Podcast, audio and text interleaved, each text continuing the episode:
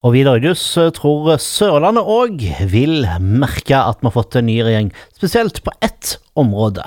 Ja, jeg tror eh, først og fremst på samferdselsområdet så, så, er det interessant at det da er Knut Arild Hareide fra KrF som overtar. og Han kjenner Sørlandet fra før. Han er jo gift med fra, fra Flekkefjord og er mye nede hos oss.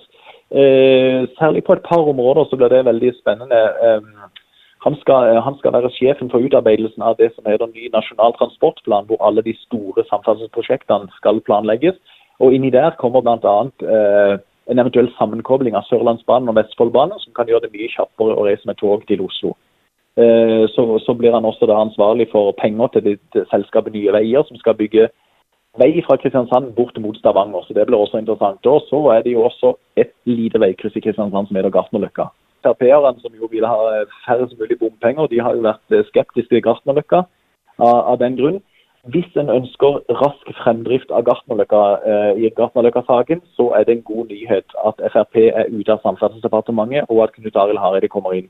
Eh, han vil antagelig gjennomføre denne nye konsekvensutredningen som det er snakk om, eh, raskere enn det det tyder på at han forrige Jon Georg Dale ville gjøre. Så jeg tror det tyder på at Knut Arild Hareide vil eh, skape fortgang i eh, saken med Gartnerløkka.